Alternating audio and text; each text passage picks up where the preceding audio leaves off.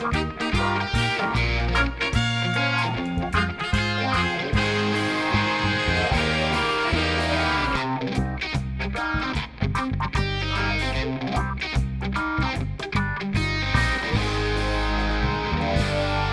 Till. Ja, nu kör vi. Vi måste nog slå på ett tag till. Ja, okej. Eh, Hej Hej och välkomna. till Agilpodden. Vi är här igen. Nu är vi här igen. Jag heter Dick. Jag heter Erik. Eh, Vi kanske ska presentera eh, vad gör vi och sådär. Vi har inte gjort det, tror jag. hittills. Nej, vi är lite hemliga. Lite hemliga är vi. Vi kan väl egentligen säga att den här podden kom faktiskt till på en, ett flygplan mellan någonstans i Tyskland och Arlanda. Vi var på Ah. väg hem från Brasilien. Och jag hade en tanke om att vi skulle skriva en bok. Ja, Ehm, och du var glad i hågen och, och hoppade på detta så vi började ganska omgående skriva på din padda olika kapitel eller förslag på kapitel. precis. Eh, typ projektledning kanske vi ska ha en om och vi kanske ska ha en om hur man ska jobba med ledarskap och så vidare. Och sen så började vi liksom eh, ja, skriva ner en 10-13 olika ämnen. Precis. Eh, och sen så insåg vi att fy fan vilket jobb det här kommer bli. det är ju sjukt jobbigt att skriva en bok. Så då sa vi vi kanske hoppar det och startar en podd istället. Jag vet inte vem det var som kom på det faktiskt. Jag misstänker att det var du. Du visste på något vis att det inte fanns någon, eller du misstänkte att det inte fanns någon. Ja, och sen så kollade jag faktiskt upp det också. Ja.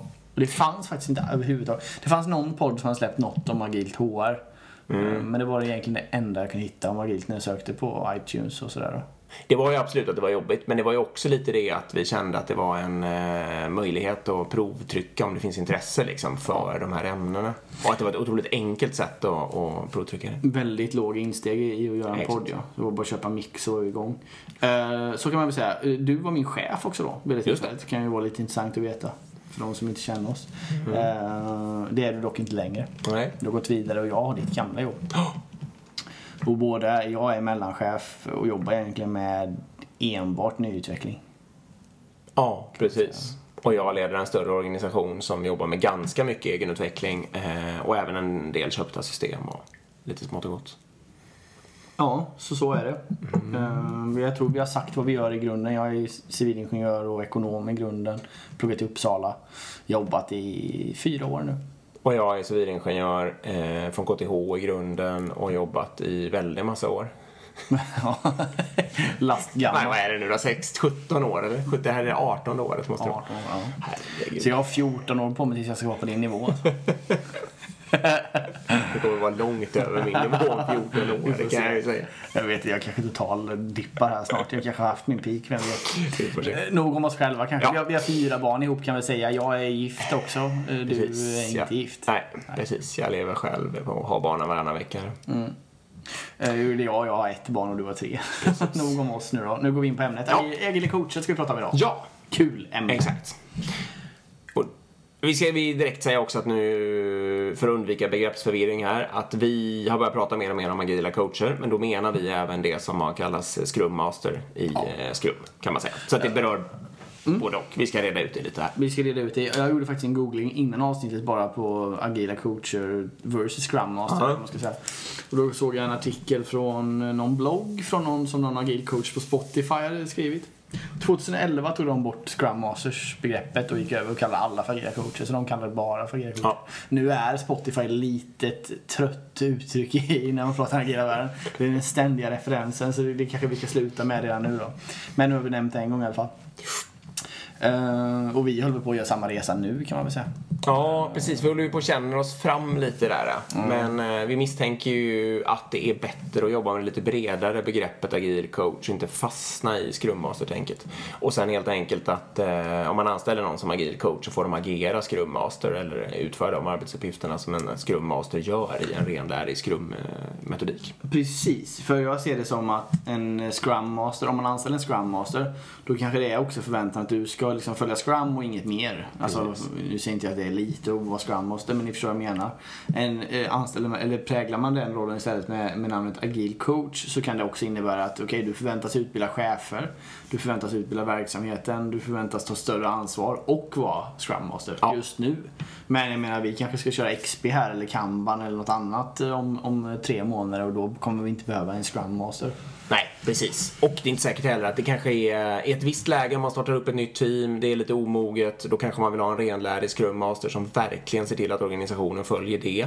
Men sen ett halvår senare funkar det där teamet helt av sig självt. Eh, de behöver ingen som är där på Daily Scrum, de gör allting själva. Då kanske man helt plötsligt vill ha någon som tittar på organisationen eller som kör långa utbildningsinsatser av verksamheten eller något sånt där. Och då är det, liksom, det kan verkligen variera över tid. Det kan det verkligen göra. Det kan man se till att, och, alltså om man har anställt duktiga agila coacher som är, som liksom, jag, brukar, nej, jag, jag har ju faktiskt försökt att rekrytera agil coach. Och då har jag varit väldigt tydlig på att jag vill ha någon som jobbar genom hela stacken som jag kallar det. Det vill säga någon som kan tänka sig att vara nere i 90 gritty och vara scrum master för ett omoget team, hålla dem i handen, göra de mest banala grejer eh, och tycka att det är okej. Samtidigt som personen ska kunna jobba i min egen ledningsgrupp, titta på hela organisationen, titta på vad, vad bör vi liksom förändra först nu, vad är de största hindren i våran agila resa och så vidare. Alltså någon som verkligen kan, från det mest operativa upp till det superstrategiska. Mm. För den splitten gjorde vi ju lite när vi diskuterade också det här operativ-strategisk. Att en Scrum Master, eller Scrum och Scrum Master, man kan titulera det på flera olika sätt. Det är ofta en mer operativ roll då. Uh, Medan kanske en agil coach kan vara strategisk. Sen gillar jag det du säger, för, för det värsta jag vet är agila coacher som säger att nej men jag, skulle inte, jag vill inte jobba i team utan, utan jag ska bara jobba med visionärt strategiskt arbete. Jag vill inte liksom gå ner i detalj och sådär och styra team. Och, Eh, jag, jag tycker precis som du säger, det är väldigt viktigt att den personen kan hoppa in i team och Ja. coacha när det krävs också. Och tappar man den närheten till teamen och sånt, då, då blir man antagligen ingen bra coach heller i längden. Nej. Eh, utan då blir man bara någon form av, av eh, uppe i molnen och målar fiskar och sånt. Och så, ja, det är samma som arkitekt också för den delen. Många gånger. Och det vi är inne på tror jag, är det, det och, precis, så man vill ju att den som liksom är en superstrategisk agil coach ska kunna jobba genom hela stacken. Men sen kan det ju för sig, självklart få finnas lite olika inriktning och man kan ju anställa mer operativa eh, agila coacher också självklart som, som kanske inte jobbar riktigt lika högt upp i det hela. Då. På samma sätt som det finns chefer på olika nivåer eller vad du vill, arkitekter. Visst är det så. Speciellt, Så om, du har, speciellt om du är, har en större organisation. Då kan, du- då, kan du, då kan du ha lyxen att blanda också. Ja. Alltså hitta någon som är superstrategisk och någon som är superoperativ. Visst är det så. Eh, Vad är det mer för arbetsuppgifter då innan vi, när vi nu ändå råkade börja nämna det? Utbildning har vi pratat om. Mm. Jag tycker skapa transparens är en av de viktigaste arbetsuppgifterna. Mm. Vi hörde Ola prata om det som en eh, big, eh, biggest no-no Mm. i förra avsnittet. Att, eh, att inte skapa transparens. Och jag tycker här kommer landar det till stor del på, på Scrum Mastern eller den agila coachen att göra det. Alltså visualisera, visa hur ligger vi till, vad har vi planerat, vad är backloggen, eh, vad är statusen, vad ligger de i för olika swimlanes, är de i progress, är de done? Ja. Alltså allt sånt där, bara upp en tavla, visualisera, eh, gör det tydligt, dölj inte undan något. Så Nej. Det är ett bra, en bra början. Verkligen. Och det kan ju vara lite olika. Tavlor, självklart, det vill man jobba mycket med det. Man vill hänga upp saker på väggarna. Det kan ju också vara skriva ut grejer eh, och hänga upp. Det kan också vara skärmar som live-visar olika saker. Det kan ju typiskt vara en sån sak som en agil coach pysslar med att få till. Liksom. Hur går automattesterna? Eh, vad har vi för commit? Accuracy? Vad heter det på svenska? Commit? Träffsäkerhet. Träffsäkerhet, liksom. Och. Precision, precision, nej, pre, pre, preci, fan heter det? Precision. Lever- Leveransprecision. Bra. Tack. Sådana saker. Mm. Vad gör de mer då? Mm, de eh, kan ju undanröja olika hinder. Eh, Det kan också vara chefens uppgift, det beror lite på vad det gäller. Mm, det det. Men det kan ju vara så här om det ska beställas eh, olika mm, jobbiga saker utanför den egna organisationen eller liksom även ute på stan och så vidare kan det behövas någon som gör det och kanske man inte vill störa utvecklarna med det i första hand. Och där kan även ingå då att skydda teamen till viss del tycker jag. Absolut, det. alltså, det kommer administrativa arbetsuppgifter och sånt där eh, utifrån. Då kanske eh, agilcoachen tar hand om dem. Kanske gör dem själv eller kanske i alla fall ser till att de liksom paketeras och kommer in på i eh, sprintplaneringen på ett bra sätt. Mm. Jättebra och sen eh, det, det som är vanligt också är att, att liksom teamet blir nedskjutna. Speciellt om du sitter i, nära din verksamhet. Alltså det kommer massor med folk och frågar massor med frågor som inte ska dit och Ja. fråga. Nej, precis. Eh, eller ska ha en, en eh, ja men du kan väl titta på det här, det är bara en liten bugg och den fixar du snabbt och sådär. Mm. Som är utanför planeringen. Och, så det blir ju till stor del att skydda teamet. Se till att man följer processerna egentligen. Se till att Scrum följs, om man nu är Scrum Master eller om man nu kör. Ehm, och där, det, jag, eller det, det som jag ser i alla fall i min del av organisationen, det är att vi, vi har missat mycket, eller vi har tappat mycket av det som är ganska basic. För jag menar, i alla fall när jag själv gick en Scrum Master-kurs liksom, så, så var det ju att varje stand-up så då tog man upp vad har vi för liksom eh, Hinder? Ja, hinder ja precis. Och så skrev man upp dem på en tavla liksom. Och sen så såg man, var det Scrum Masters jobb att se till att de var borta till nästa dag. Eh, och sen nästa dag så, okej vad har vi för hinder idag då? Ja, så är det nya liksom. Och så att man varje dag verkligen skrev upp det. Det, det miss, i alla fall vi missade på mm. standups. Det blir lätt det här att man tar ett laget runt och så är det bra så går man och blir mm. och jobbar.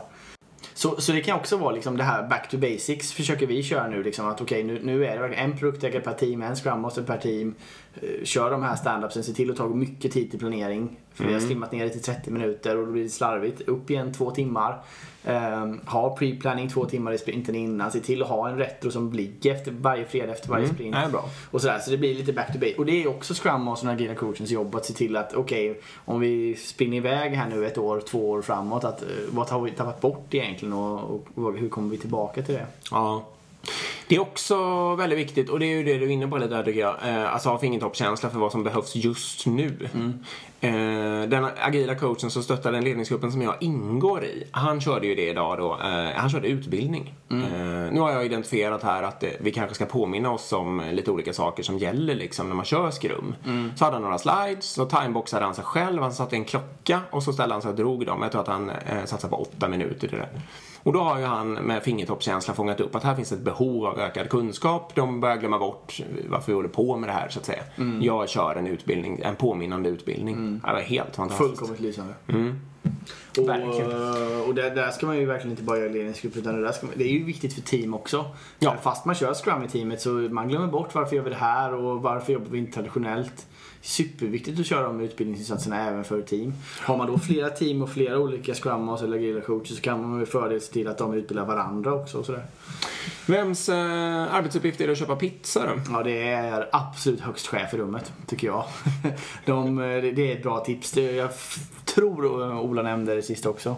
Men, ja, det var men, du som nämnde det faktiskt. I alla fall. Ja, det kanske det var. Nej, men jag, jag tror det, det är självklart en, en Scrum Master, agil coach som kan göra det också. Eller någon chef. Se till att stanna där och med teamet när det är svårt och jobbigt. Även på releaser, sena kvällar och sånt. Och där tycker jag med fördel också som Scrum Master eller agil coach hoppa in och testa. Eller hjälp till och försöka vara t-shirt också i, i teamet. Ja, Eh, nej men verkligen. Och eh, det är ett bra signalvärde att till exempel åka och köpa pizza åt alla. Och eh, finns det en hög chef så ja, absolut. Eh, mm. Sen kan man ju tänka sig om man har lyckats hamna i en chefslös organisation då kanske sådana saker tas över av agila coach. Absolut. Chefer är fortfarande bra till något menar du? Köpa pizza och så. Ja, de här lite svårare grejerna som bara vi chefer klarar av. ja, exakt. Um, sen finns det det här hur man allokerar också Scrum Master eller Agile Coach. Mm. Om vi nu har ett team här liksom. Att det här klassiska, ska vi ha en person som har en hatt som är Scrum Master delvis och utvecklar delvis.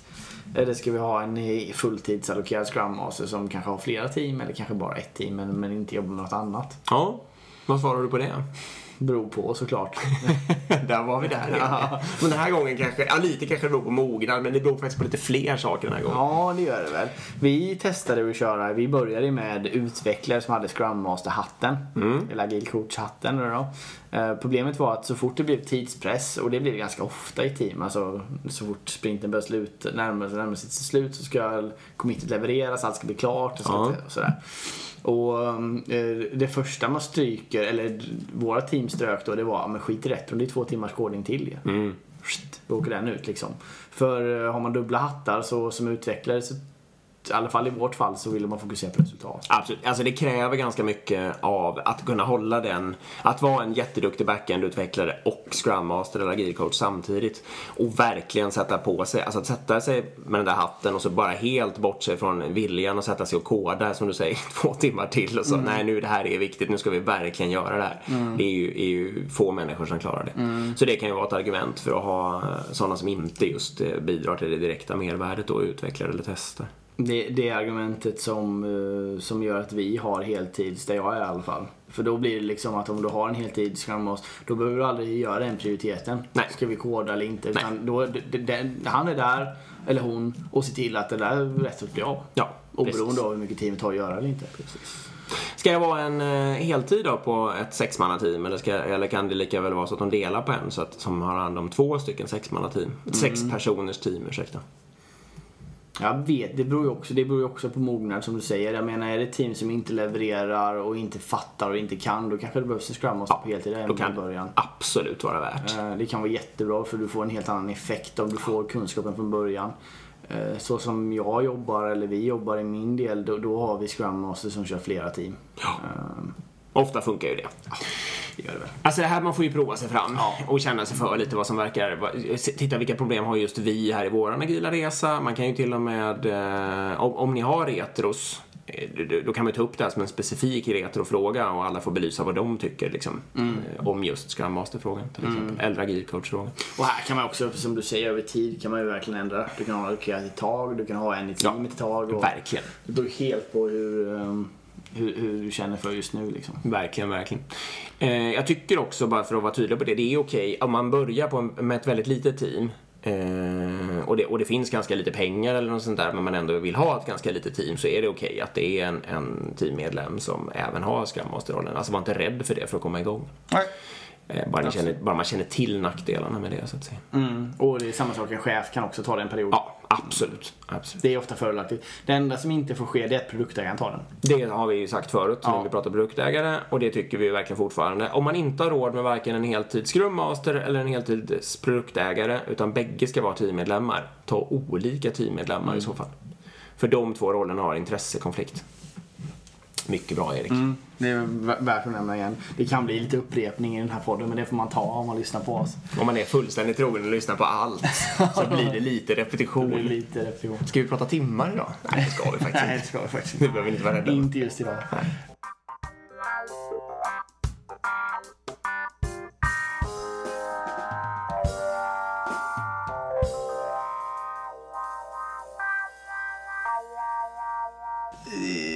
Viktigt med agil coach och scrum master oberoende om det är en strategisk eller operativ roll det är rotationen på den rollen. Är det någonstans eh, i min verksamhet som jag vill ha möjlighet till att, alltså, ha flexibilitet så är det just på den rollen.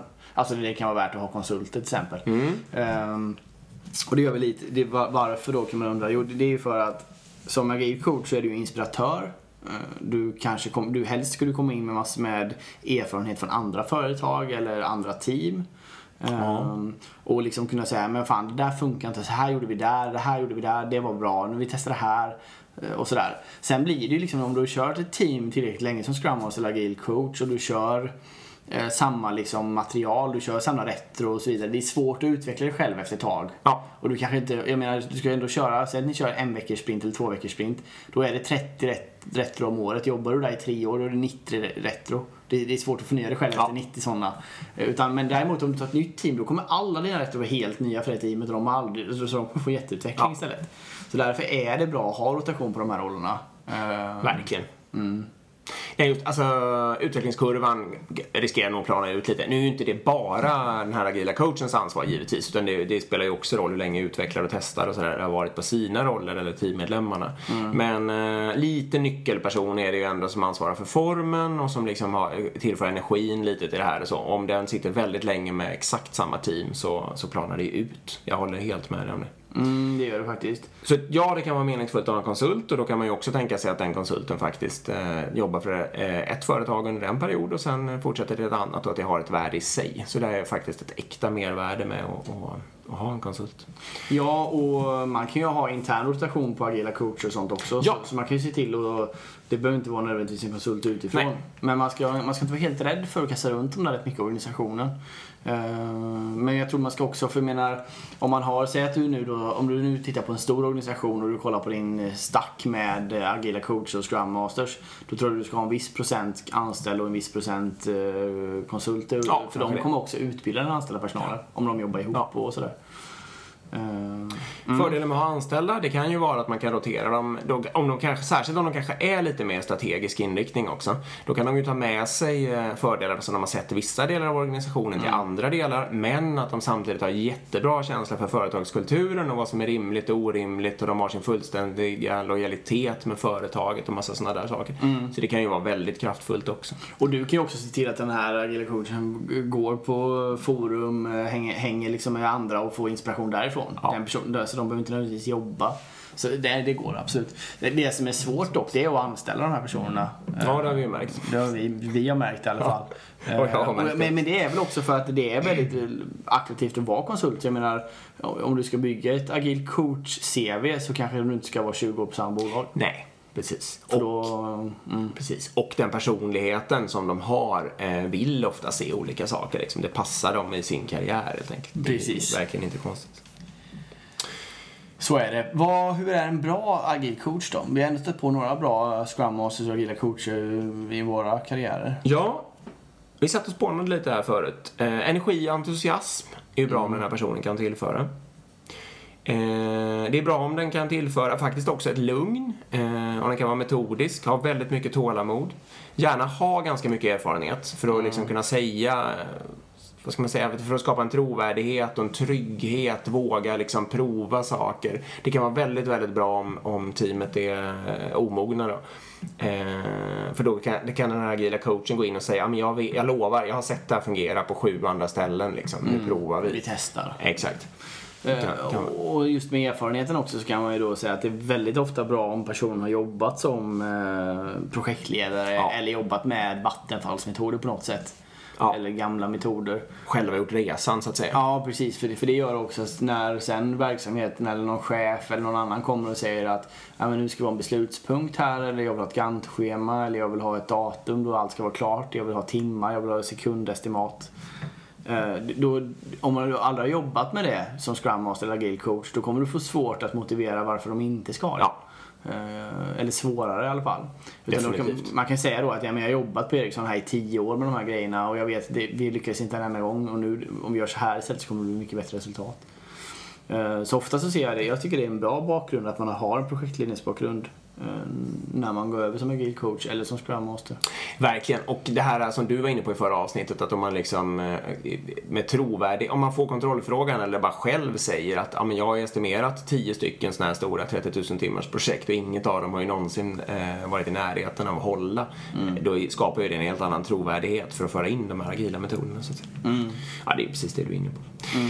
Jo, men det är ju viktigt att ha en känsla för, eh, liksom, vad ska man säga, om man, om man nu har en bakgrund som projektledare eller liknande, så är det ju väldigt viktigt att ha en känsla för agil kultur förstås. Eh, Att liksom se, ha den fingertoppskänslan och se skönheten i det, eller vad man ska säga. Mm. Och också, jag menar, uppmana till servant leadership, uppmana Ja. till eh, att det blir rätt värden och värderingar på arbetsplatsen och sådär. Och se till att ja, om det är chefer som inte sköter sig eller andra individer som kommer in med fel attityd eller jobbar på fel sätt och sådär. Att de, också, att de kan coacha dem i rätt riktning också. Så man, så man får en bra känsla. Mm. Ska vi riva av den här risken som du brukar se också då? Vad händer om man eh, ska göra en sån här transformation och så blir det massa administrativ personal över? Det här har vi pratat om förut. Det har vi, men det finns ju såklart en överhängande risk att man eh, tar administrativ personal man hade i den gamla organisationen som gjorde nytta där. Som man kanske inte riktigt kommer göra nytta i den rollen i den nya organisationen. Och då får de, måste de bli något och då blir de liksom, ja då blir det Scrum Master. Många har frågat mig i alla fall, eh, liksom okej men projektledare, är det lika med Scrum Master? Ja. Liksom. Jag menar, det var, den gamla organisationen var projektledare, nu är det Scrum Master. Och det, det är det ju inte alls. Liksom. Nej. Och, och det är inte alls så man kan säga. Det finns ingen, eh, tyvärr, jag önskar att jag hade kunnat ge er en översättningstabell. vilka roller som nu ska bli Scrum Master, men det är inte alls så det funkar. Nej. Ehm, men, men det är klart- såklart en risk. Och risken är ju då att om, om man då får in en, en stab av liksom agila coacher och Scrum som kanske själva inte riktigt har fattat eller inte har kunskap och erfarenhet av det här. Så är det risken att de kommer inte driva agila resan utan man kommer jobba som man gjorde förut för att man kallar det agilt-ish liksom. Ja ja men vi kör Scrum-ish. Man får kanske in metoderna men utan att ha förstått det kulturella elementet eller något sånt där. Då får man liksom ingen utväxling. Nej, och då blir det istället negativt bara. Det blir bara en jobbig resa där folk inte vill ändra sig och ja, så. Precis. Eh, så det är en risk. Och jag, jag tycker, jag nämnde innan också kanske, men, men jag tycker liksom agila coachen eller scrum är ju verkligen en nyc- nyckelroll i en transformation. Snåla inte in på just den. Uh, Nej. Utveckla det och sånt, det går alltid att få över. Ja. Men, men för att ha bra scrum som kan hjälpa dig att utbilda verksamheter, utbilda dig själv, pusha dig själv. Eh, det kommer göra underverk. Verkligen. Så det, det är verkligen en nyckelroll i, i en transformation. Utbilda alla chefer. Mm, nej, är vä- mycket, mycket bra poäng.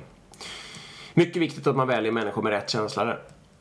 Sen har ju vi gjort det kan vi väl säga då att, äh, att alla, all personal är utbildad Scrum Master. Ja, För, för, jag menar, det spelar ingen roll fast du ska utveckla eller jobba som chef eller göra vad du som helst. Så jag menar, blir du Scrum Master så ingår det i någon mån att du måste lära dig grundprinciperna för vad agil utveckling handlar om. Nej, så- jag, jag tycker ju själv att den kursen är, eller ja det finns ju en sån kommersiell kurs helt enkelt, att den är väldigt, väldigt bra för, eh, för att förstå agil kultur i grunden. Även om den egentligen bara eh, officiellt behandlar metoderna i skrum så att säga. Precis. Men den har sidoeffekter. Mm. Som är positiva. Ehm, vad mer om agila coacher och Scrum Masters då? Ja, vi har varit inne på det mesta vi har. Scrum och Scrum, vill du säga något om det? Ja, det är ett begrepp jag inte tycker om. Nej, det vill inte det. Ofta, jag, jag, kan, och jag kan väl hålla med dig på något teoretiskt plan. Jag kan också känna att ibland, nej men det kanske är lite både och i och för sig, men ibland drar ju det till sig eh, väldigt kloka män. Det kan dra till sig en sån här lite mer strategisk eh, agil coach som gör jättemycket bra arbete. Eh, men annars, är, det kan ju också va, eh, åka lite åt det här hållet, alltså till safe och det här att man liksom ska systematisera allting, översystematisera allt och hitta på superdetaljerade metoder och sen hamnar man nästan tillbaka i någon sån här eh, rupfälla eller vad man nu ska kalla det för. Liksom. Så det beror ju lite på där. Ja, precis. Och sen, det, det, blir, det, det jag inte gillar med den, det är att det är koordinering av koordinering. Ja, nej precis. Och det, det, det är liksom det vi försöker ta bort här. Ja. Vi vill ha bort all koordinering och då tar, tillsätter man en koordinerande roll som ska koordinera koordinering. Eh, jag, jag eh, ska säga, jag, jag väljer att kalla det agil coach i min del av organisationen. Jag kallar det inte Scrum och Scrum. Men å andra sidan har jag kallat det för Scrum och Scrum och jag har själv haft rollen. Scrum och Scrum Master. Så, så eh, jag, jag har en viss ödmjukhet för- inför det också. Men, men, jag tycker man ska se upp med det, just den, eh, med den rollen.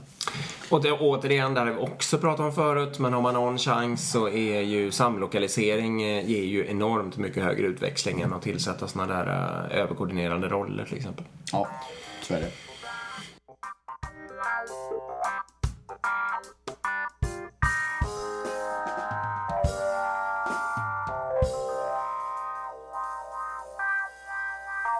Vi går på veckans fråga. Ja, vi gör det ja. Vi går på veckans Jag fråga. kände inte att jag hade någon mer heller.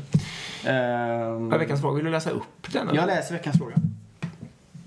Den handlar om eh, decibelprioritering. Ja, det gör den. Här kommer veckans fråga. Hur undviker man det vi i min verksamhet kallar för decibelstyrd utveckling? Det vill säga den kund som skriker högst får styra prioriteringen.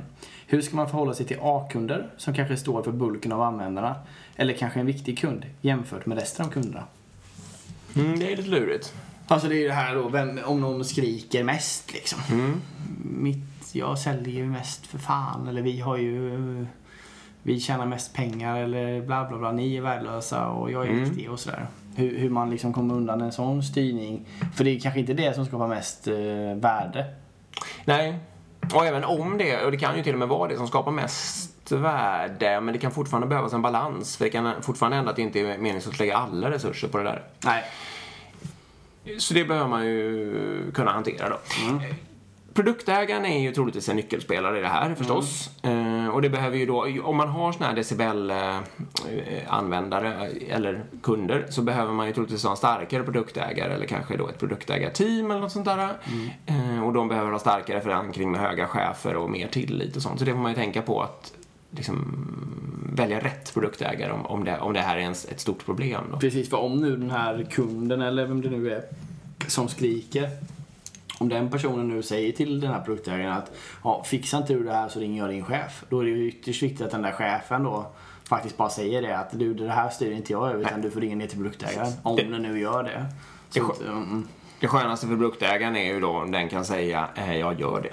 Och, och vet att chefen bara kommer hänvisa tillbaka. Precis. Då har man ju kommit till rätt kan man Då har säga. man. Vi har ju några sådana här tips till hur, vad produktägaren kan göra. Han kan ju ställa 10 basic-frågor. Han kan försöka syna eh, såna här då, eh, skrik liksom. Alltså försöka få fram data. Hur viktigt är det här egentligen? Hur många användare gäller det egentligen? Eh, och man kan försöka ha ett litet sånt batteri. Det här beror ju lite på vad det är för system man utvecklar. Men, men liksom vara beredd med något sånt där. Det kan ju vara typiskt vara en bra metod. Hur många användare påverkar det faktiskt? Vad är den riktiga verksamhetsförlusten och sådär. Så det, det är inte bara att det är är Kalle som är arg utan det finns Precis. faktiskt något som är större runt det. Mm. Precis. Det är bra. Sen kan man ha olika system eh, med röstning kan man ha. Eh, man kan se till att sätta poäng på, eh, på så items i backloggen. Mm. Eh, och då kan man ju tänka sig att man har eh, något slags representantskap så att den här produktägaren kanske sammankallar alla intressentgrupperna på något klokt vis. Ty- Typiskt kan ju det här gälla om det är ett system som är över hela världen och det är indelat i marknader. Då kanske alla marknader får skicka en representant var och så kanske man ses någonstans eller kör på Skype och så röstar man helt enkelt vilka, vilka items i backloggen vill alla ha och ser vilken som får flest. Eh, och, så, och så tar produktägaren antingen bara kör det rakt av eller åtminstone tar intryck av det när, när hen gör sin prioritering. Här kan man ju tänka sig då att man har någon form av eh, viktade röster. Eh, Så att om det är någon marknad som på riktigt är mycket viktigare än alla andra så får den fler röster. Eh, Eller också kan man strunta i det. Det får man ju försöka känna sig fram lite där. Så, så någonstans skulle jag vilja försöka hitta. Och det, återigen, allting beror ju på då och så vidare. Men eh, försöka hitta något sånt system som ändå känns liksom framkomligt och rimligt. Eh, För att hantera det här Jag tror på transparens också. Alltså om man kan visa för de, den här marknaden eller personen eller individen, vad det nu är som skriker då mest. Att eh, men du, det vi gör är faktiskt det här. Ja. Och de, de här fem grejerna vi gör har faktiskt den här eh, verksamhetspåverkan. Eh, Eller den här tyngden. Tycker du själv liksom att din lilla grej här är viktigare än de här fem? Mm. Så man liksom nästan får låta den lägga över prioriteringen på det. Och kolla, det kan ju faktiskt vara så att den här kunden har rätt då. Men om den inte har det så kanske den själv inser att det är okej då. Eh, Jag förstår att, eh, att den måste komma vid ett senare tillfälle. Nej, men det är bra. Ökad transparens i, i backloggen på någon slags epic-nivå eller hur man vill uttrycka det. Det kan ju verkligen vara guld i ett sånt här läge. Ja, det kan det vara. Bra. Eh, det var dagens fråga. Men nu, Ja. som jag har sagt innan och jag säger det igen, vi börjar få slut på dagens frågor. Vi har Ja. haft några som har skickat väldigt många frågor, det uppskattar väldigt mycket. Men mejla in nya nu. Uh, agilpodden at gmail.com. Precis. Mm. Eller kommentera på Instagram. Ja. Eh, Agilpodden. Det går bra och där kan ni följa oss också. Vi Precis. finns på Facebook också numera om man vill följa oss Just där. det. Är nytt. Det är nytt. Jag är Erik Wikstedt. Ja, ja, ja. Ehm, Då söker man antagligen på Agilpodden. det gör man. Så kommer vi upp där. Ehm, jag vet inte, det är ju samma information där som på Instagram men ja, Ja, det är vilket ni gillar. ja det precis. Upp till er helt enkelt. Ehm, tack så mycket för idag. Tack så jättemycket. Kul att ni lyssnar.